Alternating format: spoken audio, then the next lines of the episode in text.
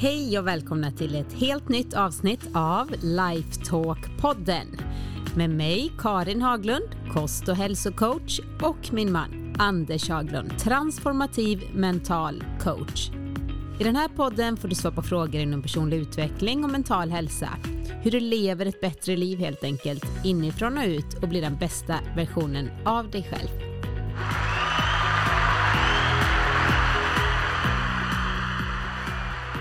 Hej Anders och hej alla ni där ute som lyssnar på oss. Ja, hej på er. Och hej på dig. Hej! Hur mår du? Jag mår bra. Vad härligt. Ja, en hel sommar har gått. Ja, nu är, den här veckan har ju allting kört igång. Skolor har börjat och i stort sett alla är väl tillbaka från semestern. Det skulle jag tro. Ehm, En och annan har väl valt lite senare eh, semester bara för att matcha med utlandet och annat. Mm. I och för sig, de flesta är nog hemma i år också. Mm. Jag tänker mer på jobbet är ju fortfarande när man både Det Zoom-möter så, och ja, annat. du så är menar det- så, matcha menar- utlandet. Jag tänkte, aha, Ja. åka till utlandet. Nej, Ja. jag menar mer att många utländska, många andra länder så har de senare semester och om, Ah. om man då jobbar med dem så är det ju lite svårt att göra något när man inte kan ringa och zooma och Just greja med det. dem. Då är det ju smart att ha semester då. Men oavsett, vi är ju tillbaka och vi är tillbaka i stan. Vi har ju tillbringat sommaren vid kusten. Mm. Så skönt. Ja, det är härligt. Det är ett annat tempo, ljud, allting här när man är tillbaka i stan. Ja, det, Och då för er som är nyfikna så pratar vi Borås. Vi pratar inte mega storstad, men ändå. Vi har ju faktiskt ingen riktigt mega stor stad. Om man tittar på världskartan så är ju inte ens Stockholm utsatt som eh, någon större stad. Men för oss så är ju det storstan med Stockholm, Göteborg, Malmö. Mm. Malmö var vi i somras. Mm. Mm. Stämmer. Trevligt. Men nu behöver vi inte sitta här och kallprata. Jag fick blicken nu. Vad pratar du om? Kör igång med frågorna, darling. Ja, lite så tänkte jag ju Det var den blicken, de som va? lyssnar kanske är inne för att höra lite vad Så vi... kan det vara. De är ganska ointresserade om vi har varit i Malmö eller inte. Eller inte. Men oavsett, nu kör vi igång med den första frågan. Hej Anders och Karin. Jag har ett önskemål. Jag skulle vilja höra er diskutera svartsjuka i podden. Jag upplever att jag lätt blir svartsjuk både i relationer och även på mina vänner, de jag följer på sociala medier och så vidare. Hur kan jag jobba med mig själv för att på sikt bli mindre svartsjuk? Tacksam för svar, Rasmus. Mhm. Tack själv Rasmus. Ja, Väldigt bra fråga och jag tror att många vill Kanske höra vad du har att Jaha. säga om det här. eh, det ser ut som att han blandar ihop avundsjuka och svartsjuka lite grann kanske. Nu Mm. vet jag inte om det är så, men svartsjuka då tänker man ju sig mera vad det gäller kärlek och sånt när man eh, har en partner och om den ens tittar åt någon annans håll eller så så blir man väldigt eh, upprörd och svartsjuk. Mm. När vi pratar om sociala medier och lite mer kanske det här med att gud vilket liv de har och nu har de köpt en ny bil och kolla deras trädgård och kolla vad de äter och vilka ställen de är på och sånt. Då pratar vi mer om en Just form av avundsjuka. avundsjuka. Så det är ju två separata saker i varje fall som jag hör i frågan. Jag är inte säker Mm. på om det är så den här personen tänker på det. Och just det, även på mina vänner. Då kan, är man också egentligen avundsjuk. Där är man mer avundsjuk än svartsjuk tänker jag då. Just det. Men egentligen så hänger det väl ganska mycket ihop. Ja, det kan du göra. Men jag vet ju en och annan som kanske inte är så avundsjuk och faktiskt är glad för andras framgång och annat. Men som ändå har svårt att hantera när de väl handlar det här känslomässiga tillståndet som gör att man är kär i någon. Mm. Och då inte kan hantera alls att de pratar med ett gammalt ex eller att eh, de kramar om någon kompis på stan eller vad det nu än är och blir helt svarta i ögonen av svartsjuka då. Är det Eh, därifrån ordet kommer ifrån? Jag Tror skulle nästan. tro att det handlar om något sånt i varje fall för man vet om att man funkar inte som man ska. Nej. Så det är två separata delar i det här. Och nu vet jag inte vilket av dem som är stora fokus. Vi kör båda. Vi kör båda. Då börjar jag faktiskt med avundsjukan. Mm. För avundsjukan är ju att man jämför sig själv med andra och tycker att jag har inte lika mycket som och tycker att det är på något vis orättvist. Jag borde ha det där också. Jag orkar inte se hur det där, jag orkar inte höra om hur bra det är för någon annan. Och det finns ju de som säger att den största testen av om man har en riktig vän det är ju inte så mycket att de hanterar det när man är i motgång utan det är ju hur de är med dig när du är i framgång.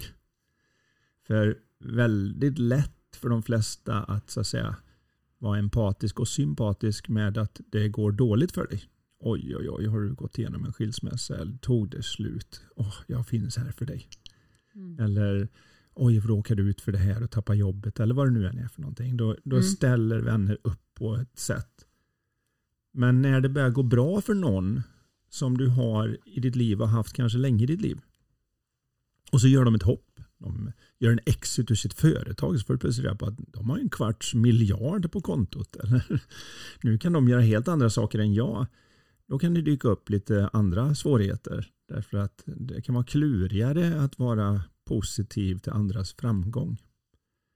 För eftersom vi har känt dem hela livet så blir de ju någon form av bevis på att ja, men du är precis som jag, du är inte så märkvärdig. Det innebär att jag hade ju kunnat också. Och istället för att titta in i sig själv och se det som oerhört inspirerande och säga wow, kan de, kan jag? Så det är många som tittar ut istället och säger äh, du har haft tur och vill riva ner och tycker det är orättvist. Och blir då väldigt avundsjuka och tycker att det där borde jag ha för det där har du egentligen ingen rätt till. Du har bara haft tur så ge hit. Lite så. Och det där får man ju hantera som det mesta andra då. Så gäller det ju att se att du kan inte lösa ditt interna emotionella problem med externa verktyg. Så man måste titta in och se att det här är en tankemässig grej som jag har. att den känsla jag kallar avundsjuka när jag ser på Instagram eller Facebook mm. eller andra ställen hur 17 bra alla andra verkar ha det. Så måste man in i sig själv. Självklart kan man prata logiskt om att ja, men det måste du förstå att det här är bara en liten bit av deras liv och ja, så bra har de det inte utan du jämför du att de har köpt en sån bil och den är ihop med en sån person och den reser dit och sätter ihop det till en megaperson som du ska matcha. Eh, det är en sak i det. Men när man kommer med logiska förklaringar till människor så gör de ofta ett hopp och får ingen hjälp av det. Och vad jag menar med det är att om du talar om för en eh, människa som har flygfobi att det är oerhört säkert att flyga. Det kommer ta enligt all statistik om du flyger varenda dag så får du flyga i 11 000 år för att kunna på något vis statistiskt säkerställa och vara med i någon form av incident. Så det är oerhört säkert. Till skillnad från då om du sitter i bilen så är det ganska troligt att du kommer ha någon form av incident bara under den tid du har körkort någon form av farlig punktering, en krock eller någon kör det på dig. Det kanske man inte ska säga till någon som har fobi för Men, då får de kanske fobi även för bilar. Precis så reagerar de då för att mm. man säger då att Åh, det är mycket säkrare att flyga än att åka bil och då kommer ju någon som har flygfobi säga din jäkel, nu kan jag inte åka bil heller snarare än att säga ja, men då är det lugnt eftersom jag kan köra bil så kan jag flyga också då. Och samma blir det lite grann med avundsjuka då. Om man tänker sig att man säger att ja, men det är ju bara en bit av deras liv och det ska du inte jämföra med. Och så är det lätt att mm. nu kan jag inte göra det heller. Så det gäller att titta in i sig själv och se att det här är ett tankemässigt problem jag har. Att de tankar jag dyker upp med och de känslor jag får de tar jag som att det enda sättet att bli av med den här obekväma känslan som avundsjuka innebär det är att antingen att de blir av med vad de har som man kan ha lite, som tyskarna säger, schadenfreude, alltså skadeglädje. Eller att jag får vad de har så vi är på lika nivå igen. Och då måste jag ge mig av och göra någonting på utsidan. Antingen destruktivt eller konstruktivt. Mm. Men om jag kan se att det är här inuti mig då kan det bli mycket mer med inspiration. Att se att wow, det går att göra det om man tar tag i den där grejen. Och det, går att få, få, det går att attrahera en sån person om man gör det här. Eller vad det nu än är. Och då kan man få någon form av äkta glädje. Och ju, ju mer, och det här visar också psykologiska studier, att ju mer jag kan glädjas med andra människor över vad de har, ju lättare blir det också att lyckas i sitt eget liv därför att jag kommer inte hålla mig själv tillbaka. Just det. För om jag verkligen missundrar andra människor deras framgång och jag tycker att jäklar, du vet, så jag åker förbi någon fin bil och så tycker man där åker det en skattesmitare som har sugit ut arbetarrörelsen ordentligt. Ja, när du väl då lyckas, eller när du är på väg att lyckas, så kommer det finnas någon del i dig som säger jag vill inte vara den typen av person. Då kommer ingen gilla mig. Då kommer de säga det om mig. Mm. Och så blir det liksom ett steg fram och nästan två steg bak. När man väl lyckas få lite pengar så försöker man bara bli av med dem så fort som möjligt. Så jag inte är en sån där person som jag själv ogillar. Mm. Undermedvetet. Alltså. Undermedvetet är ju detta då. Det är ju inte mm. något som jag sitter och grunnar på, på eh, hemma i soffan. Liksom, utan hur det fungerar. Så det, det har med avundsjuka att göra. Ju mer jag kan glädjas med andras framgång, ju mer jag kan glädjas med andra genuint. Inte för att Mm. jag sitter och hittar på utan att jag börjar se att det här är faktiskt bra för mig. Men kan inte de ändå ligga ganska tajt ihop, avundsjuka och att man gläds? Så kan jag ju ofta säga om någon berättar någonting, säga, åh, gud, jag jag är så avundsjuk och jag är så glad för din skull. Förstår du vad jag menar? Att Ja. Nästan som något positivt, att åh gud vad roligt, åh jag önskar jag också. Men alltså jag är så glad. Att För du, skull, för ja. dig, din skull, uppriktigt så Mm. glad. Samtidigt som jag uppriktigt är lite avundsjuk. Fast på ett, jag, jag ser inte det som något negativt, den avundsjukan. Nej. Utan mera som en, eller det kanske inte är avundsjuka, det kanske är mer bara Man har inget bättre ord för det. Nej, okej, det, den, det är ganska brett det här ordet kanske. Men det är klart när man märker att den känslan triggar något destruktivt i en. Någonting som gör att det är ingen riktigt bekväm känsla. Det är väl då också man kanske tar sig tid att skriva till oss med den här frågan. Men ändå Rasmus, så himla imponerande att det avslutar så här. Hur kan jag jobba med mig själv för att på sikt bli mindre svartsjuk? Ja. Där har vi ju, det har ju redan kommit långt som förstår att det här är ett inside job. Det är, ett, det är du som skapar svartsjuka, avundsjuka. Det är inte någonting som bara puff, händer. Nej, och, och se att han tittar ju i rätt riktning här och ser att det är någonting jag behöver skifta. Mm, Snarare en jäkla värld som får mig att må så här. mm, Det är en av de största insikter vi kan göra överhuvudtaget. Jag brukar säga det på ledarskapsträningar och annat att du kan inte leda andra om du inte kan leda dig själv. mm, Många tittar ofta på hur kan jag influera andra, hur kan jag styra andra, hur kan jag kontrollera andra, hur kan jag hjälpa andra. Och så har man liksom ingen koll på sitt eget. Och då blir det svårt. Det är samma här, han tittar i rätt riktning. När det då gäller den rena svartsjukan i ett förhållande och annat mm, så blir ju det nästan lite grann som vi har pratat om när det gäller uppfostran av barn. Man vill ju att de ska vara fria, självständiga individer men samtidigt så vill man ju på något vis att de har respekt och gör som man säger. mm, Och Det är en fin linje där mellan att vilja att få det att fungera i familjen och begära lydnad. Och Problemet för de flesta svartsjuka personer är ju det att de anser att känslan de har kommer från den andra människan. Vilket gör att för att kontrollera sitt eget känsloliv så börjar de kontrollera den andra människan. Och Det är ju inte kärlek.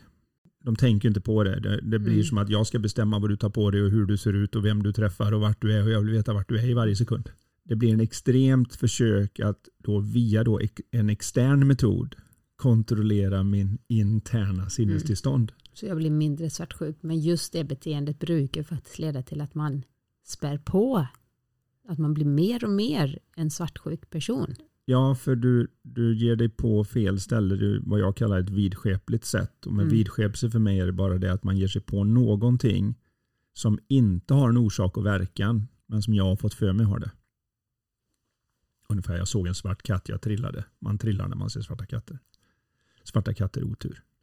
Så det här är ju ett vidskepligt sätt att se på saker. Det finns ingen koppling mellan katten och det om nu inte katten sprang precis mellan fötterna på det och fick det att trilla. Mm. Då, men då är det inte just för att det var en svart katt utan det var för att jag fick en katt Kunde mellan varit en fötterna. hund. Ja, precis. Så det är, det är lätt att man skyller sitt sinnestillstånd på en annan person. Så jag skulle vilja påstå att de flesta människor som har varit i ett förhållande eller kommer att vara i ett förhållande eller är i ett förhållande har någon gång varit med om att man blir irriterad på sin partner. Och om man frågar dem ungefär som i en sån här 1 till 10 hur irriterad är du? Och så säger de jag är 7. Alltså jag är, jag är verkligen jag är sju irriterad. Mhm. Varför är du sju irriterad? Därför att de är sju irriterande. Men så att Mm. nivån på min irritation har helt och hållet kopplat till hur irriterande den andra personen är. Jag skulle inte varit sju irriterad om inte de var sju irriterande just nu. Vad de missar är att det är precis tvärtom. De ser sju irriterande ut för att jag är sju irriterad. Just det. Man får det baklänges på. Det är ju det som händer i skillnaden när man kommer hem och ser vad barnen har ställt till med. Hur arg man blir för samma sak. Ena gången så har de ställt till jättemycket och man bara skrattar och säger ni är helt otroliga. Hur har ni lyckats med det Mm, här? Hur kreativa är, Är ni? Hur, men jag är inte riktigt nöjd med att ni har sabbat hela huset. Men det var ganska imponerande. Man vet liksom inte hur man ska, man, man skrattar åt det. Och andra gånger kan de göra mycket mindre och man är liksom nu räcker det. Nu får det vara nog. Och det känns som att det beror på hur irriterande det de har gjort är. Men Mm. egentligen så är det hur irriterad man själv är, hur irriterande det ser ut. Okej, så i ett förhållande med en person som är svartsjuk av sig så kan det ena dagen vara att säger vi att du som kille är svartsjuk på tjejen Mm. och sen gör hon någonting litet så kan du explodera då om du är svartsjuk. Säger, Hur Mm. kan du göra så här? Bla, bla, bla. Och någon annan gång så märker hon att det inte triggar eller Mm. tvärtom. Då. Ja. Förstår du vad jag menar? Ja, Det- så det, men den personen har en väldigt svårt att se att det är den sinnestillstånd och dens egen nivå av svartsjuka som Avgör moment to moment avgör vad det det blir de för reaktion. Ja. Ja. Och det gör också att för den andra personen som är ihop med en person som är svartsjuk så blir ju det här lite grann som jag kommer ihåg någon gång när jag gick på tekniskt i svenska där så läste jag eh, Frans Kafka Processen. Jag vet inte hur många som är där ute som lyssnar som har läst den boken men där handlar det om en människa som går in och ut genom olika rum och vet inte varför han är anklagad för någonting men han blir straffad i varenda rum för olika saker men vet inte varför han är straffad. Ja, du har gjort det här och så bara du får betala så här mycket men jag har gjort det? Ut nästa rum och så går han omkring där inne och det är hans kommentar förmodar jag på hur mycket eh, byråkratiska situationer är ibland. Du vet, att du Mm. fattar inte vad jag, vad, jag förstår inte vad jag har gjort. Varför skickas jag från rum till rum här? Mm. Men det kan också bli så i ett förhållande när den andra personen inte förstår att hur irriterad jag är på dig och svartsjuk jag är på dig har med hur, vad jag befinner mig att göra, inte vad du gör. Mm. Så kommer den andra personen uppleva att jag vet inte hur jag ska vara för att få det här att fungera. För det finns ju inga ramar. Det, jag gör Mm. något litet och du exploderar fullständigt och är helt rabiat. Och sen så gör jag något annat och så händer det ingenting. Jag, jag, jag fattar inte riktigt hur ska vi hur ska jag relatera? Och då börjar man gå på äggskal och nu är det inget förhållande, nu är det inte kärlek längre. Nej. Kommer man längre och längre ifrån varandra och Ja, även om du lyckas ha personen kvar så är de inte kvar för att de vill vara kvar utan för att de inte vågar annat. mm. Och det är ingen underbyggnad för ett förhållande. Utan man vill ju att det ska vara, du kan lämna pris när du vill och så säger den andra personen, men jag väljer ju att vara kvar. Då vet man att den här personen gör ett aktivt val att vilja vara med den. Mm. Inte för jag måste på grund av ekonomi, jag måste på grund av barn, jag måste på grund av situation. Jag måste på grund av hur du är. Du skulle ta livet av dig om jag drog. Eller vad det nu någon kan hota med som är redigt svartsjuk. Det är inte därför jag stannar. Jag stannar för att jag tycker det är roligt att vara här. Det är ju hur man vill att det ska vara. Med andra ord, du kan lämna när du vill men jag gör inte det. Det är ju det som är att när man säger att om du verkligen älskar någonting så måste du släppa dem fria. Just det. Och deras frihet Och innebär det är det att de som är, är så och svårt för någon deras som är frihet svartsjuk. är att de går tillbaka. Just det. Men hur gör man då om man är den där svartsjuka personen? Ja. Det här är ju, Det är ju inget eh, quick fix eh, förstår jag. nej, men det första stället att se är att det här är en mental konstruktion som bygger på ens egna osäkra tankar. Jag, jag vet att det här kanske inte låter riktigt som om det vore direkt eh, överföringsbart, men jag hoppas kanske att det kan vara det för Rasmus här. När en människa är girig, om vi nu tar avund som en av våra eh, synder, så finns ju även girighet med på den här listan. Och när en person är girig så är det nästan alltid så att de tvivlar på sin egen förmåga att generera pengar och annat i framtiden. För då gäller det verkligen att roffa åt sig så mycket man kan idag för jag är inte så säker på om jag fixar detta imorgon. Det är enda skälet till att jag är girig. Om du vet att ja, men jag kan generera en miljon till imorgon så är det inga problem att förlora en Åh, idag. Vad skönt det vore Anders. Ja, det vore väl fantastiskt, att veta det. Att, ah, imorgon. Ja, men det, det, jag vet en klient jag hade som hade skrivit på ett lån för några som hade en väldigt intressant startup. Och han hade gjort en exit innan. Jag kommer inte ihåg hur många miljoner, men han hade signerat som borgenär, eller vad man ska kalla det, för mer pengar än vad han hade gjort exit på. Mm. Och så frågade jag liksom, att hur kunde du göra det? Jag menar om det går åt helvete. Och så nej gör det inte, det här är en jättebra idé. Ja, Jag vet men du är affärsman också, det kan bara vara fel timing, lite otur, något går fel, något juridiskt, något inte visste, en politisk förändring. Vad som helst Mm. kan göra att att det går i putten, det vet vi om varenda startup. Eh, Så det kan du säga, men om det gjorde det så är du i hålet istället. Mm. Efter att ha nu sett till att du egentligen inte behöver göra något för resten av ditt liv. Och då säger han ganska lugnt så här. Ja, men det tog mig sju, åtta år att bygga upp till min första exit. Så med tanke på vad jag kan nu så borde det inte ta mig fem år att göra om det. De kan ju ta mina pengar men de kan ju inte ta min, min förmåga att generera pengar. Och det är ju äkta ekonomisk frihet. Mm. Att jag känner att okej, en miljard, två miljarder, spelar ingen roll vad det handlar om, jag kan generera det igen. Jag vet hur man gör, jag kan systemet, jag vet hur man bidrar med värde, Mm. jag fattar grejen. Så, och då, då kan man gå och lägga sig själv, jag bryr mig inte om, om allt har försvunnit så vet jag att jag kan fixa det igen. Mm. Och det är lite samma sak när man till exempel då i ett förhållande ser att om den andra personen väljer att inte vara med en så är optionen att tvinga dem att stanna med olika hot, förmågor, låsa in dem i källaren och vad en del har gjort till och med. Men det kommer ju aldrig vara ett förhållande. Om man ser det på riktigt då säger man jag vill inte vara med en person som inte vill vara med mig. Varför skulle jag vilja vara med det? Det är ju inte, det är inte det jag vill ha. Jag vill ha en person som vill vara med mig.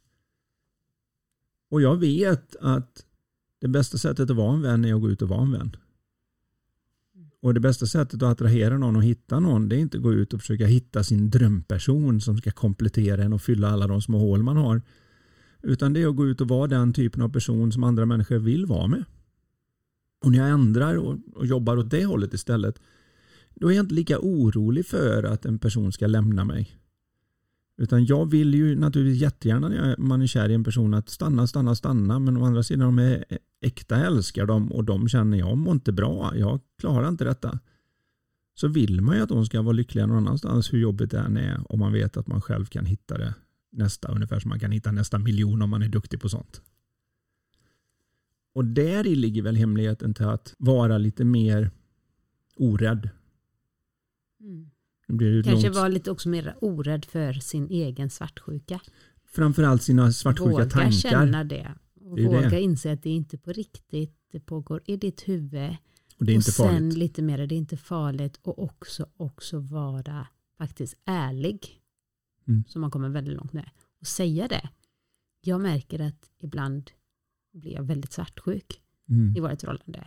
Jag förstår att det är mitt problem. Jag vill bara att du ska veta det om du tycker att Att jag, jag jobbar med det. Om någon säger så så känner man ju wow. En sån person som liksom eh, vet sina styrkor och svagheter, som jobbar på att bli bättre Och det är äkta fan- med det. och och är äkta med det. Mm. Och det gör ju ofta att man kommer närmare snarare. Mm. Det är ju då som, vill man ju nästan hjälpa den här personen med Ja. att i varje fall om man bryr sig om dem riktigt, eller hur? Då, då Mm. blir det en mätpunkt. Mm. Uh, Kändisar gjorde det, märkte du det, att när de gick ut och då erkände att jag är beroende av droger, alkohol, sex, eh, Mm. något. Nu måste jag in på rehab här. Mm. De första som gjorde det på riktigt, alltså kom ut och insåg att okej, jag måste säga något om det här för det, det börjar ju märkas på scen eller vad det nu än är. De hade ju miljoner fans som skrev och sa vi är med dig, lycka till, hoppas du mår bättre. Och det blev alltså en push i en positiv riktning att de gick ut och medgav det här som ingen vågade medge innan. Mm. Eller kom ut ur garderoben som gay Mm. eller vad det nu var och alla Mm. bara wow. Mm. Och de trodde att det skulle vara värsta grejen. Det fungerade så fantastiskt bra nu att tyvärr så har deras agenter gjort det här som en taktik. Om de märker att karriären inte har gått i stå lite grann så är det ungefär. Du behöver nog åka in i rehab och erkänna dina problem här så kommer det bli en Ah. outpouring of love. Ja. Utan att de har Utan att de egentligen har de stora problemen så gör man det som en karriärmove bara för att man Jaha. märkte precis som för alla idag med alla filter och alla möjligheter vi söker efter Mm. något äkta. Mm. Och när vi ser att någon är äkta, det är därför vi det är därför som Kardashian som då är, jag anser är ganska oäkta hur det är naturligtvis. Men det är just det där att få ta en titt in i någons liv snarare än en sitcom eller något. Att det det. här är på riktigt eller när någon går ut på sin Instagram och gör en liten story om att det här är på riktigt hur jag mår. Det är inte så jäkla lätt. Eller tar Och en särskilt bild jag på... tänker på just poddar, just inom, alltså podd, att lyssna på poddar. Det är ju en väldigt härlig ofiltrerad sanning som människor delar med sig av. Ja, om det är det. Ibland kan det ju vara så att man så att säga åker på rehab för att fixa något. Jaha, okej. Men Ja. man Vi kan, sitter här och i alla fall är sjukt äkta, det kan jag säga. I vårt kontor, mitt emot varandra med hörlurar på och bara, jag i alla fall, som inte har något filter, som bara bla, eh, säger precis det som jag tänker på just nu. Men Det tror jag faktiskt att folk känner och även när vi har våra kurser och utbildningar, när vi reser iväg med människor.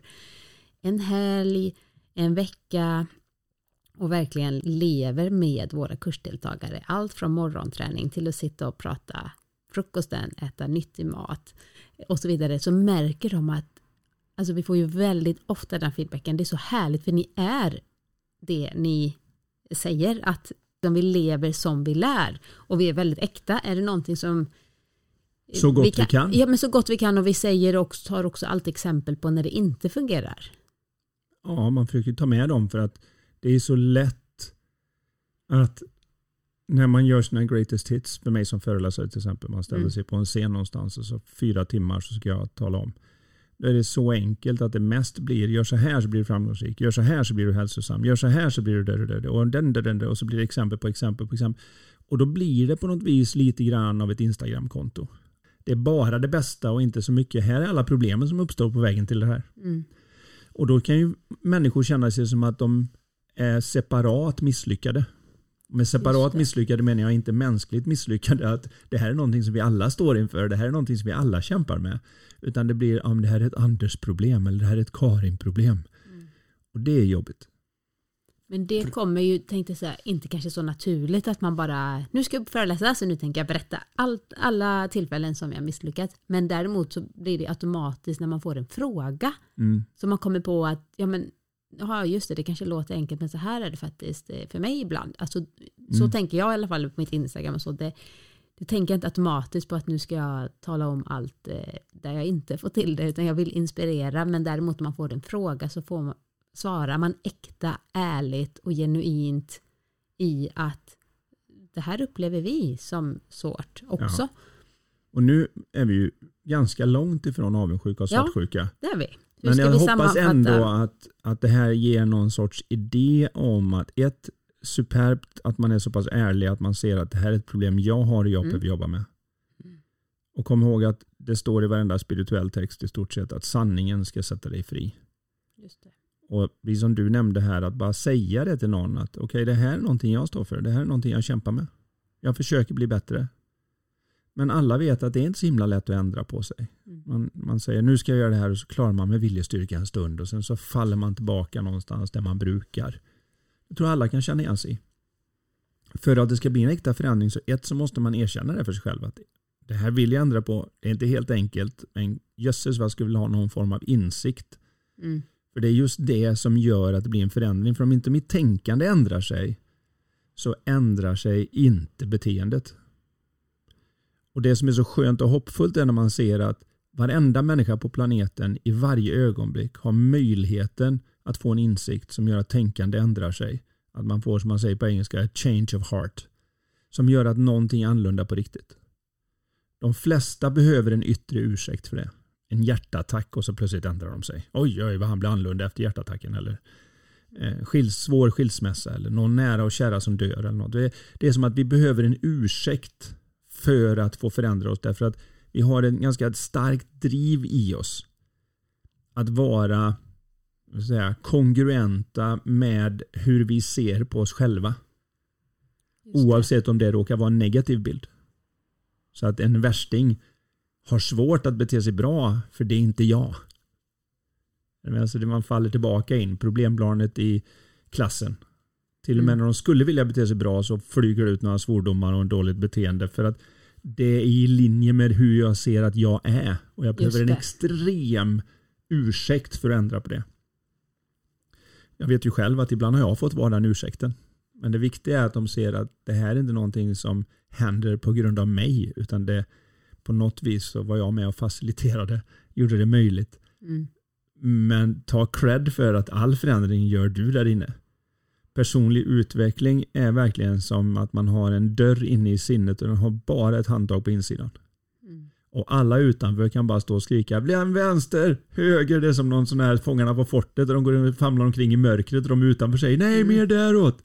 Så att För det gäller att den där inne, för det finns ingen på utsidan som kan sträcka in handen och öppna den dörren. Jag bryr mig inte om vilken typ av guru, coach och annat du är som säger att jag har lösningen, jag har ultra. Allting du gör handlar om att den människan, någonting klickar till för dem så de hittar sitt inre handtag. Och öppnar den dörren. Och när de gör det och får den här insikten att wow, jag kan inte förstå att jag har missat det här förut. Det här, det här rummet alltså? Den här ser, öppnar dörren till en ny värld? Ja, ja, så blir det Och ja. vi har alla möjligheten att knacka oss själva på axeln och vakna upp till en helt ny värld utan att världen har ändrat på sig. Så som Marcel Proust sa en gång i tiden att äkta förändring är inte att söka och se nya eh, landskap utan det är att se samma landskap med nya ögon. Någonting i den stilen. Eh, och där är ju mycket. Så han, Rasmus här, det handlar just om att se, se på svartsjuka och avundsjuka med andra ögon. Just det. Och det är det jag egentligen med mina metaforer och annat som jag använder i coaching och föreläsning försöker hjälpa människor med. Och det är mm. därför fakta väldigt sällan förändrar någon. Snarare vill jag påstå att fakta har en tendens att polarisera, eh, polarisera mer. Så om du ger en eh, vänsterpolitiker fakta om vad företagande gör så kommer det bara göra dem mer åt vänster. Och ger du en högerpolitiker fakta om hur mycket vi behöver ställa upp för varandra och vara solidariska och att det skulle hjälpa samhället på sin helhet så gör de bara mera höger. Men däremot genom att berätta metaforer och få en annan förståelse, då funkar det. Okay, då, då kan man plötsligt se någonting och det är därför jag försöker hitta lite olika stories in här. Mm. Många tycker kanske du fick en fråga så har du ramlat på här i 20 minuter. Men det är faktiskt, ska jag säga, det är din stora styrka. Att kunna berätta de här metaforerna som fångar det som gör att man sitter så här typ med öppen mun och bara ah vad intressant, bara lyssnar, inte antecknar, inte tänker, är 100% där och lyssnar och någonting händer i det där inre rummet utan att du medvetet behöver försöka jobba på det, tänka på det och så vidare. Ja. Så nu är det klart det är lättare kanske om du sitter med en fysisk person men vi hoppas Rasmus att det här gav dig någonting i varje fall. Ja, det tror jag verkligen och alla ni andra där ute också. Nu tar vi en eh, helt annan fråga här som jag tycker var otroligt intressant från Christian. Tack för en riktigt bra podd. Jag älskar att lyssna på er. Då säger jag Tack Christian. Ja, tack, tack, tack. Jag älskar att prata inför det. Berätta för alla du känner så att podden blir viral. Så fortsätter frågan så här. Nu är jag nyfiken. Hur 17 löser vi människors dilemma med att bli mer och mer digitala samtidigt som vi har våra mänskliga behov av närhet, socialisering och så vidare. Tycker teknik, AI och allt som händer på den banan är sjukt intressant samtidigt som jag är rädd för hur vi ska kunna anpassa oss till det nya livet det innebär. Hinner ni ägna detta en stund i er podd så vore det spännande att höra era tankar. Tack från Christian. Mm. Älskar den här frågan. Ja, för den är ju oerhört aktuell. Den är oerhört aktuell och det är någonting som hur mycket vi än stoppar huvudet i sanden om det här kommer påverka alla. kommer det påverka alla och det går fortare och fortare och fortare. Jag vet att vi i en tidigare podd gjorde den här jämförelsen med att om man tar ett papper som bara är 0,1 millimeter och viker det en gång så är det på 0,2 millimeter. Om du kunde vika det en gång till så är det på 0,4 mm och sen är det på 0,8 mm. Så efter tre vikningar så är du på enorma 0,8 mm. Du har inte nått en millimeter på att vika pappret tre gånger. Det är ju galet. Mm. Hur många gånger behöver man då vika det för att komma till månen som är 34 400 mil bort eller någonting.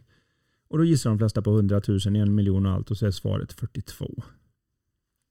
Och på den 43 vikningen som vi är tillbaka på jorden. Så varför är detta relevant till Christians fråga här? Jo, det är relevant därför att det finns något som heter Moores lag. De flesta är väl kanske lite medvetna om vad Moores lag är, men för mig då som är ingenjörsutbildad och alltid varit intresserad och så vidare, så är Moores lag det är någonting som eh, en man sa att han upptäckte när det gällde processorer och annat och digitaliserade saker att på 18 månader så blir det dubbelt så bra. Så det innebär att egentligen så är det ingen idé att byta sin telefon eller dator på en kortare intervall än tre år. För då har det blivit fyra gånger så bra. Då kan du börja märka att skärmen är lite skarpare och att det går lite fortare och är lite snäppigare. Men tidigare än det så har det inte gjort så stor skillnad. Men 18 månader så viker eh, digitaliserade, alltså IT-industrin viker pappret en gång. Vi har hållit på att vika den ett tag. Mm. Så varje 18 månaders period nu, hur mycket det än kan se ut som att ah, den nya iPhonen är bara lite annorlunda än den förra och så vidare. Så bakom kulisserna så pågår det här nu och varje vikning nu börjar bli månen och tillbaka tur och retur. Mm. Så man ser dansande robbar och tänker ja det var ju det var ju käckt. Ja men de håller på att vika det pappret. Alltså i början kunde de inte få den att göra någonting. Nu är vi uppe på dansande robot. Det innebär att nästa vikning om 18 månader så är den där roboten gör massa grejer som inte ens var möjliga för 20 år sedan. Alltså det är, det är större utveckling tänk- på 18 månader än på de tidigare 20 åren. Jag tänker på det här när man har liksom, går in på en webbplats och så kommer det upp en sån, vill du chatta med oss? Och så är det någon Ja, så här. Och det är inte riktigt går fram, vad handlar ditt ärende om? Så beskriver man, ja du hittar frågor och svar här. Alltså det, det är som att det känns som så här, ja men hallå, jag försöker kommunicera med dig här men jag Det får, går det inte. går inte. Men den håller ju på att förändras och vikas och bli, jag menar till slut så det är ju en eh, mä- människa som, fast alltså det är ingen människa, men det kommer ju liksom kännas som en mänsklig interaktion som Min- förstår precis allt. Min kan- gissning är att det är inte mer än tre vikningar kvar, alltså vad blir det? 54 månader eh, kvar. Mhm. innan du inte kommer veta att det är Siri som pratar med dig eller att det inte är Google Assistant som pratar med dig utan du kommer tro att det är en människa. Att du inte längre kan. Det är just- då vi alla blir ännu knäppare. ja, men, men du vet nu är man ju sådär, men det var inte vad jag sa, kan du inte skriva vad jag sa? Jag bad dig ringa den här, varför undrar du om du inte hittar något på internet och så vidare. Man, man tycker de är helkass. Men det är för att varje vikning fram till nu har börjat leda fram till att nu varje 18 månadersperiod så, så vik vi så mycket större. Och sen kommer de säga när du ställer en fråga, men lilla Anders, nu är det så här att jag typ en hundratusen miljoner gånger smartare än dig, så jag vet precis hur du ska göra nu. Du behöver inte ens fråga, jag vet innan. jag vet, du behöver inte ens fråga. Nu Ja, vet jag jag har du kollat på din, eh, ditt liv och din search och sånt. här nu och din... eh, Så jag vet vad du har tänkt. Mm. Ja, men det är vad vi är på väg in i. Eh, och vi har, och precis som Christian här nämner, så har vi en enorm krock på gång mellan att vi kommer i allt högre grad välja den här virtuella världen jämfört med den verkliga världen. Mm. Därför att när du inte längre börjar kunna se skillnad när du ger dig in där i världen på en vanlig värld och den här världen så är det ju många som kommer då tack vare att de vill ta kontroll. Om vi pratar om förra frågan. Att jag, jag vill ha en virtuell flickvän som gör precis som jag säger och jag behöver aldrig vara svartsjuk. Eh, och den världen kommer att vara ganska omotståndlig för många. Så att, eh, Den är väl redan ganska oemotståndlig mot många idag. När man Ja. hör hur folk, eller folk, hur en del tonåringar skolvägrar, eh, arbetslösa som kanske inte ens försöker skaffa ett jobb för att man spelar 18 timmar om dygnet mm. och kan inte sluta. Och du behöver inte prata om tonåringar, du kan prata om 60-åriga vd som jag coachar som ibland nästan knappt kan gå på toaletten och upptäcker att de har inte mest med sig sin mobil och måste springa omkring som en pingvin genom huset för att hitta mobilen för de klarar inte av att sitta fem minuter med sig själva på toaletten utan att kolla på något. Det här, det här är inte som om det bara är den nya generationen, det är alla Mm. som har haft kontakt med teknologin. Hjärnan upplever verkligen det här som någonting som är bättre än. Så vi har en krock som är på gång och vad vi behöver är just den här kontakten människa till människa. Vi är ju gjorda Mm. för den. Vi behöver någon som rör vid oss. Eh, Det är först när vi får hudkontakt med en annan människa till exempel som vi utlöser den mängd oxytocin som håller oss lyckliga. Så det går alltså inte att hitta en rik och lycklig eremit. Om de inte hundra år i framtiden har en mänsklig robot typ som har så där huden känns som hud och de sitter och berör. nej jag ska bara. om det nu bara är hudkontakten men jag tror Ja, att det är något nej. med energin jag tror bakom det och så också. vidare. Det är ju helt galet. Omätbara saker som Precis, gör och att det har väl alla känt av säkert nu här under pandemin också, det här med att man har träffat så otroligt lite människor. ja, Och nu lever vi ändå i en familj, vi är fem i vår familj, så vi har ju alltid någon som klättrar på oss. för mycket hudkontakt. eh, barn sitter i knäna, hoppar och studsar och allting. Men alltså alla som lever har levt ensamma den här perioden. Ja, och då inte får hudkontakt. Jag vet en studie som jag läste för ett antal år sedan där det visar sig att gamla människor som hade då blivit änkor och änkemän och suttit då ensamma ganska mycket. Och hade de inte varit ensamma så hade de haft folk som hälsar på dem men kanske inte riktigt har den typen av närhet och Nej. mänsklig kontakt på det sättet. När de gick och tog en massage så började de allihopa gråta. Och de grät inte av att de var ledsna eller glada eller någon annan anledning utan det som studien visade var att de för första gången fick en dusch av oxytocin. Alltså det här kärlekshormonet som alla vi människor har i oss som kommer av det. Man kan få det via husdjur och sånt också har det visat sig. Så är man gammal och ensam så är det jättebra att ha en hund eller något att klappa på. För att då får du Om man inte är för gammal, man orkar gå Ja, ut. orkar Då gå kan man ut kanske ha en katt, innekatt. Ja, eller? precis. Som inte behöver så mycket. Men just det här bara att man, har, att man får kontakt med något levande. Men det som är bäst för en människa är en människa. Det är Mm. lite som Mhm. människomjölk är bäst för en människa, inte komjölk eller annan mjölk. Utan det, det är specialgjort för oss. Mhm. Så människokontakt har får en större oxytocineffekt än djur. Men du får en oxytocineffekt av det här. Och den behöver vi. Och vi behöver förstå att det här är ingenting man klarar sig utan. Lika lite som man kan klara sig utan rörelse och träning. Det finns ingen möjlighet att må så bra och vara så lycklig som de flesta drömmer om att vara utan träning och rörelse. Det finns ingen möjlighet att vara så lycklig och välmående som de flesta vill vara utan mänsklig kontakt. Mm. Det är bara ett faktum. Det är ett plus ett är Mm. två. Det spelar ingen roll hur mycket du försöker komma runt det. Så är det bara.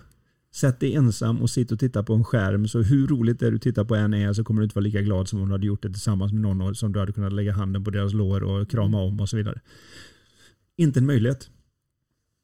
Så och inte nog med att vi har en digitaliserad värld. Nu har det blivit en extrem och jag tycker bra titt på det här med metoo-rörelsen. Nu senast eh, så var det väl några politiker i USA som råkade extra illa ut och fick lämna sina ämbeten och sånt. Men för att de då hade lagt en hand på någons rygg eller rört någons mage eller vad det nu var.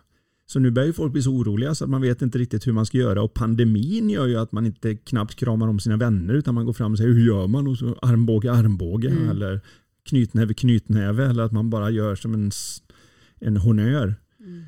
Så den naturliga mänskliga beröringen försvinner ju ju på alla möjliga ställen. När de är. Det här kommer ju ligga kvar. Det här med att man kanske inte är lika jag har aldrig träffat en av mina kompisar utan man kramar om varandra och säger tjena och så ger man varandra en stor Mm. kram. Det är så som man har Och nu är relaterat. det bara två meter. Två meter, hej, Nej, är hur så- mår du? Eh, Så, Så, konstigt. och sen har du då det som Christian nämner här har vi dessutom då det här med datorer och den digitala världen som en utmaning. Så det här kräver, och jag kan säga jag har inga superba svar på hur man löser den, det dilemmat som han pratar om här. Men vi behöver definitivt få ut en förståelse för att det här är ingenting vi kan komma runt. Vi kan inte göra det ena och klara det andra utan vi måste bibehålla den mänskliga delen. Vi, vi är sociala djur eh, som eh, jag kommer ihåg efter att jag hade sett ett djurprogram en gång och så såg jag hur schimpanser höll kontakten i gruppen genom att man då sökte upp någon som antingen var på samma nivå som du eller någon som var lite ovanför och så plockade de lite grejer i pälsen och höll på. Och så efter att jag hade sett det här så satt du på golvet och åt något. Just vi tittade på en detta var- film. Det här är många här. år sedan. Det här är innan barn. Vad Innan. hände då? Det har inte hänt sedan dess. Då satt vi och åt typ en sallad vid soffan.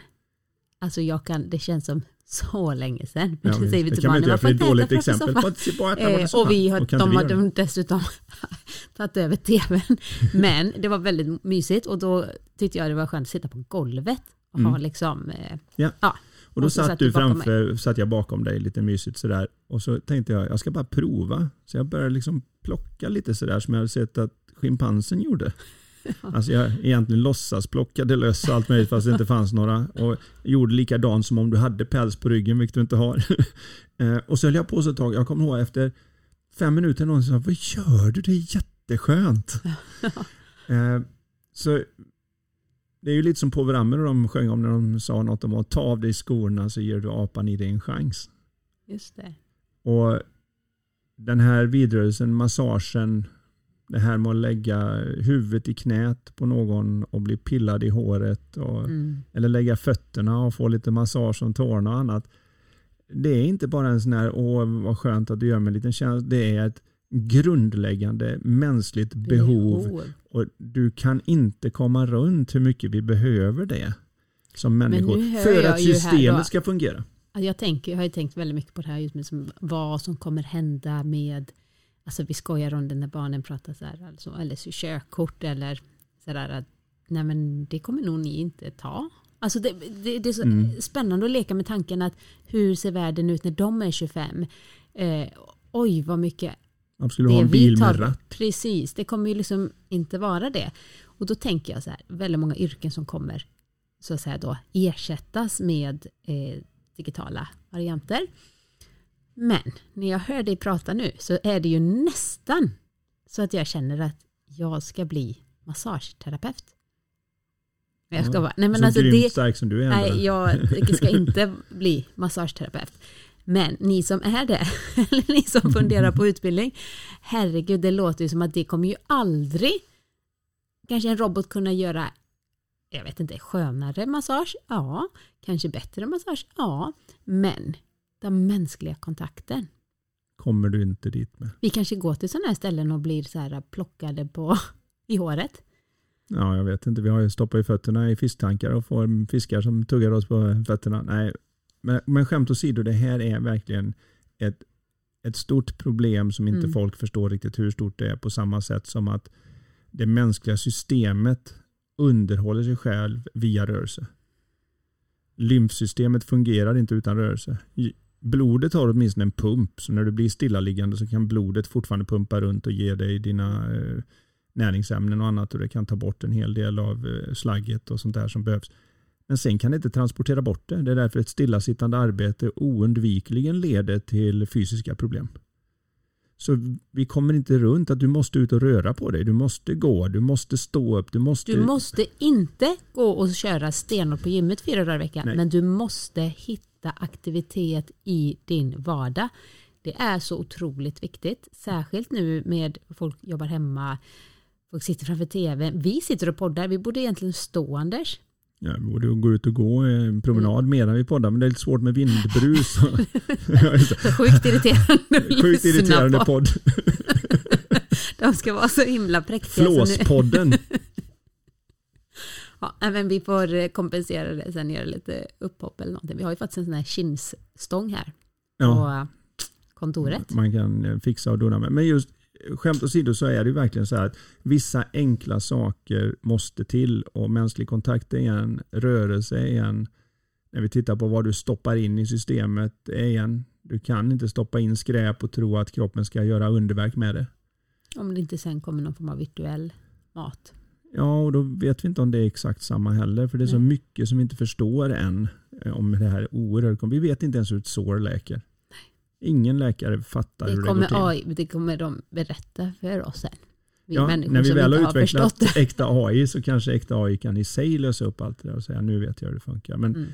oavsett, det här är en stor fråga. Eh, Vi har inga omedelbara svar men det vi kan säga är lägg ifrån er de digitala sakerna och ha dedikerad tid för det. Skapa en rutin för det. För annars Ja. så finns det möjlighet Annars att det äter liksom den upp. äter upp det i ditt liv på något sätt. Utan se det digitala som är någonting som bidrar med värde. Och det är så tror jag vi behöver jobba för framtiden. Att vi tar, en, fi- liksom, vi tar det bästa från båda världar, kombinerar ihop det till en helt ny verklighet som blir bättre än Ja. vad vi någonsin har kunnat tro att världen ska kunna bli. Ja. Utrota i stort sett alla sjukdomar, eh, ingen fattigdom. Alltså det går att lösa så mycket av världens problem. Men vi behöver samarbeta mellan de här två olika världarna. Mm. Så Så, mer fotmassage. Mer eh, fotmassage och mer mer som sagt var återigen för att jag vill påstå att det här med att vara beroende av digital media är ett större dolt problem nu idag än vad alkohol är och alkohol är ett stort dolt problem. Alltså jag kan säga via all coaching och allt jag har gjort så är, om inte den personen man coachar har träffat på dig direkt så är det någon i familjen eller någon i närheten som har ett problem till exempel med alkohol. Eh, samma med spelberoende, shoppingberoende. Eh, men digital mediaberoende är rakt upp där. Alltså nu, mhm. eh, Det så räcker att stå i en kö i mataffären. Hur många i kön står och köar Mm. som man gjorde innan? Kollar sig runt, funderar på någonting. Eh, Nej, direkt. Får du en sekund, en sekund av väntan så trycker de flesta upp någon form av distraktion på Så sin mobil. sluta distrahera er med det. An, välj att använda eh, digitala medier som Ett någonting som verktyg. ska, ett verktyg och någonting som bidrar med. Någon form av värde och att och vill värde. du distrahera dig så får du gärna göra det men vet om att du gör Gör det. ett för att- medvetet val. Ja, Mm. att nu vore det kul att bara titta på något roligt eller något. Men det här är svårt. Det här är jättesvårt för det är, eh, vi har, våra hjärnor har inte utvecklats så långt att det visste att det här skulle dyka upp på så kort tid. Så vi har inget försvar mot det. Det är som när du introducerar någon padda i Australien och det tar över helt. Det finns ingenting där som vet vad det ska göra med det riktigt. Och det är samma Mm. sak med detta att vi har introducerat en teknologi, vi har introducerat någonting så snabbt att vi evolutionärt är inte riktigt redo för hur vi ska fixa till det. Och det är naturligtvis ett, en utmaning och vi behöver ta tag i den. Så frågan är jätteviktig. Några riktiga svar vet jag inte men jag hoppas att diskussionen i sig kan ha varit lite intressant. Mm. Och nu, eh, idag får vi faktiskt nöja oss med de här två frågorna. För det var två väldigt bra frågor som Mm. inbjöd till eh, Långa diskussioner. långa diskussioner. Väldigt trevligt. Jag älskar att diskutera med dig. Jag skulle vilja ta en, innan svar. vi tar Mm. det där så skulle jag vilja ha lite grann om min tanke under sommaren som har Mm. blivit. Eh, Och jag skulle vilja avsluta med den innan vi tar vår lifetalk-fråga som jag ser i din hand att Ja, den har jag- dykt upp. Mm. Och det är det här att jag har haft att det dyker upp ganska mycket. Jag lyssnar efter de här orden när folk säger att jag behöver våga vara mig själv eller jag behöver ha modet att. Och när människor säger det så vet jag att då är de rädda för något. Du behöver inte vara modig, du behöver inte våga om du inte är rädd. Och Jag vet en någon klient som eh, jag pratade med som undrar men hur sjutton gör man för att kunna ta sig an saker och vara orädd då? Så här, det första är att du behöver förstå bättre för när du förstår saker är du inte lika rädd för dem. Vi är rädda för immigranter tills vi träffar någon och pratar med dem och inser att de inte är så farliga. Vi är, vi är rädda för de vita fläckarna på kartan och så. Men den största delen i det är ju det att vi skulle kunna leva så mycket mer orädda om vi inte spenderar så enormt mycket tid med att skrämma skiten ur oss själva mellan öronen. För många spenderar tid med att skrämma sig själva i sin tankevärld. Och de gör det med goda intentioner för de tänker om jag skrämmer upp mig själv om det här så kommer jag göra något åt det. Om jag skrämmer upp mig själv om det här så visar jag att jag bryr mig. Om jag skrämmer upp mig själv om det här så kommer jag vara på tårna och och inte missa någonting så att det händer. Men vad vi vill göra är att göra det rätta och det rätta gör vi så mycket lättare när vi är orädda. För när vi är rädda människor gör dumma saker. Så det är ingen bra idé att skrämma sig själv för att få sig själv att handla, för att få sig själv att komma igång. Så om vi kunde spendera lite mindre tid med att skrämma, som jag sa, skiten ur oss själva mellan Mm. öronen. Tänk vad de lämnar mig, om vi tar första frågan. Mm. Tänk om de gör det här och så blir vi, åh, det måste jag se till så att. Om vi spenderar lite mindre tid med det så skulle vi leva mycket oräddare. Och om vi slutade vara rädda för det för vi såg att det var i våran tankevärld allt det här sker så skulle vi leva i en najsare känsla dagarna i ända oftare i varje fall. Och det gör att vi får ut mer av livet. Det är min lilla efter sommaren tanke. En alldeles ljuvlig, underbar efter sommartanke. Mhm. Och kan man då dessutom få lite massage och vara ute mer i naturen och ta hand om sina mänskliga behov och använda det digitala som ett fantastiskt eh, Verktyg hjälp, verktyg helt och enkelt hjälpmedel. för att göra livet ännu bättre. Då minsann. Då snackar vi. Då snackar vi. Då snackar vi att det är dags att eh, vi brukar avsluta varje avsnitt med att dra en fråga från vårt populära Lifetalk-spel som är ett konversationsspel med Mhm. 88 frågor i varje ask. Det finns Lifetalk och det finns Lifetalk 2. Mm. Så här, blink, blink, bästa presenten att ge bort. Mm, tycker vi. Tycker Och, vi. och fått på Nej, den men- feedbacken också från väldigt många att wow vad jag, vi har haft mycket. Allt ifrån någon pappa som sa att jag aldrig haft sådana diskussioner med mina barn som när, när vi diskuterade någon frågorna ifrån spelet. Eller Mm. på jobb där de har sagt att eh, vi startar möte med ett sånt här, eh, en fråga från Man spelet. Så skulle det sätter ha alltid det en god i ton. så här så. fikarummet eller vad heter personalrummet. På varje att det skulle stå en sån här så kanske folk inte tar upp sina mobiler och slö-scrollar utan faktiskt lär sig någonting intressant och diskuterar någonting med en annan människa och lite mer på djupet. För det som de flesta människor tycker är safe det är ju att prata om vädret och lite skit om andra. Varför pratar vi så mycket om väder? Det är ju det är så bortslösad tid. Nej, det är också ett väldigt smörjmedel och ett safe sätt Ja, ja, att se okej. om vi kan prata. Så att vi, vi får... Det kanske är lite weird, det är klart om man går fram till någon främling och bara frågar något så här, Mm, "Ah, redigt vem var djupt." din första kärlek? Eller, eh, Nej, vi känner behöver, du vi behöver dina- smörjmedel så det är inget Ja. fel på kallprat heller. men, låt det vara smörjmedel då, Ja. så säger jag. Och här kommer någonting som inte är lika, eh, alltså någonting som är lite mer intressant Ja, tycker okej. jag, än vad väder är. Och vad är, då är frågan så här, vad är det snällaste, mest betydelsefulla någon gjorde för dig när du var liten? Mhm. Det kan du fundera lite på och få lite återuppliva lite härliga känslor från barndomen. Ja. Så hörs vi igen om två veckor. Om två veckor är vi dags igen. Alltså. Tack Anders för dina alltid kloka svar och tack alla ni som har lyssnat. Tack för er. Hej! Hej då! Du har lyssnat på Lifetalk-podden. Vi vore så tacksamma om du vill lämna ett betyg och eller en recension i iTunes. Dina frågor de kan du skicka till oss på lifetalkpodden.se. Spelet Lifetalk finns också att beställa där. Vill du komma i kontakt med oss rörande samarbeten, coaching, föreläsningar och event? Då kan du mejla till karin lifevision.se. Tusen tack för att du har lyssnat.